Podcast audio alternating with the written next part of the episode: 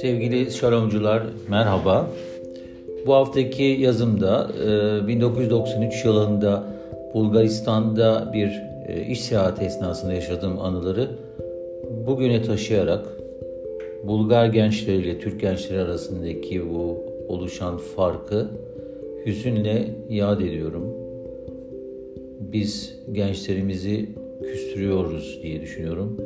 Bu konuda bir yazı yazdım. Ee, başlık Gençler Küsüyor. Yıl 1993. Bulgaristan'ın Karadeniz kıyısına bulunan Burgaz kentinde dev bir kimyasal madde üreticisi firmayı ziyaret ediyorum. Orta sınıf bir arabayla Dereköy sınır kapısından geçip 2 saatlik bir yolculuk sonrasında Burgaz'a varıyorum. Burgaz'ın yabancılar için uygun olan tek oteline yanımda başka bir Bulgar şehrinden gelen ve bana yardımcı olacak Bulgar vatandaşı ile birlikte giriş yapıyoruz. Resepsiyon çalışanı pasaportlarımızı istiyor ve sonra ücreti nakit olarak önceden ödememizi rica ediyor. Ama şaşkınlık içinde kalıyorum. Zira benden gecesi için 100 Amerikan doları isterken Bulgar vatandaşından aynı benzer bir oda için sadece 10 Amerikan doları karşılığı leva istiyor. Bu farkın nedenini sorduğumda Bulgar halkı sizden alınan ücreti veremeyecek kadar yoksul, siz bunu bilmiyor musunuz gibi neredeyse fırça atan bir cevapla karşılaşıyorum. Evet, Bulgaristan 50 yıl aşkın süren komünist rejim süresi boyunca hep yoksulluklarla iç içe yaşamış bir halka sahipti.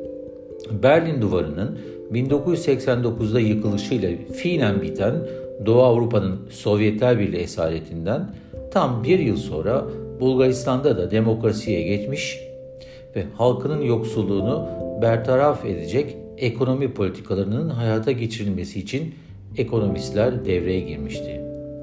Benim demokrasiye geçişten sadece 3 yıl sonra gördüklerim ise yoksulluğun önemli derecede var olmakla birlikte sokaklardaki vatandaşların göreceli olarak özgür bir tavırla yeni dönemi büyük bir mutlulukla karşılıyor olmasıydı.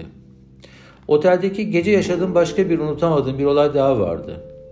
Otel yöneticisi arabamın otelin açık alan parkında olmasına rağmen güvende olamayacağını, alarm sisteminin olmasına rağmen rahatlıkla çalınabileceğini söylemişti ve çözüm olarak kışın o soğuğuna aldırış etmeyerek sabaha kadar aracımın başında nöbet tutacak bir Bulgar gelcine 10 Amerikan doları vermem suretiyle aracın güvende olacağını söylemişti.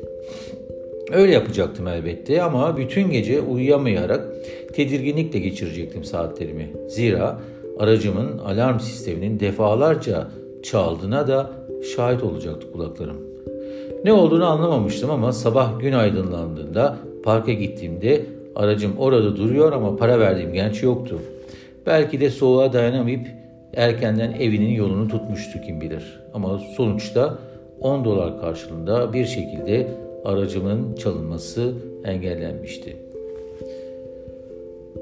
Memleketimde halen yaşadığımız büyük ekonomik kriz günlerinde Kapıkule'den giriş yapmak isteyen binlerce Bulgar vatandaşın araçlarının oluşturduğu uzun kuyrukları gördüğümde 28 yıl önce yaşadıklarım bir film şeridi gibi gözümün önünden geçmekte.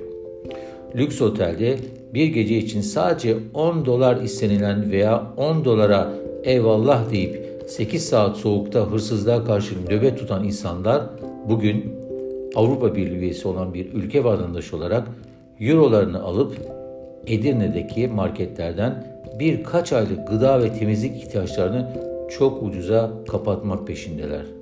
Zira onların paraları bizim paramız karşısında sadece 15 günde %100 değer kazanmıştı. Gelmeyip alışveriş yapmayıp da ne yapacaklardı ki? Hayat nereden nereye savuruyordu insanları. Biz ne hata yapmıştık veya Bulgarlar neyi doğru yapmışlardı ki böyle bir tablonun karşıt özneleri olmuştuk. Oysa ki ekonomi de matematik, fizik gibi bir bilim dalı.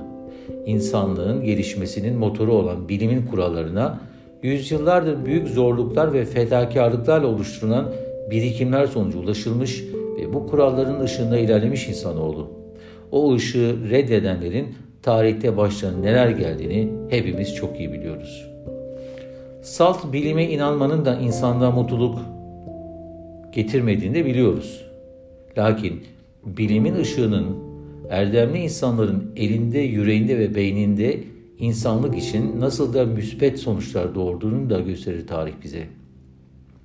Ekonomi bir ülkenin tüm vatandaşlarının günlük hayatlarında tüm hücrelerine kadar işlediği için alınacak makro kararlarda bilinen, ispatlanan evrensel ekonomik formüller yerine bir deney yaparcasına atipik kararlar almak toplumsal refah ve hatta toplumsal barış adına çok büyük riskler taşıyor. Nitekim sokaktaki insanı en çok etkileyen çarşıda pazarda gerçekleşen devasa fiyat artışları bu bağlamda olumsuz sonuçlar doğururken özellikle yoksulluktan etkilenen gençlerin ülkeye bakışları süratle olumsuza doğru gidiyor. Sokaktaki gençler iletişim teknoloji, teknolojileri sayesinde Avrupa'da akranlarının nasıl yaşadıklarını detaylı gözlemlerken neden kendileri için böyle bir dünya olmadığını her geçen gün çoğalan bir umutsuzluk ve kırgınlıkla sorguluyorlar. Bir ülkenin geleceği gençler.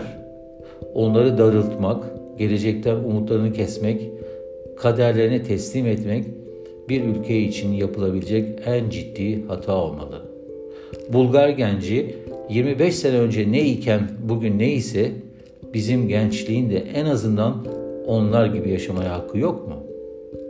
Hata yapılabilir ama hatadan dönmek de pek mümkün ve takdir edilesi olacaktır. Gençlerimiz küsmesin zira.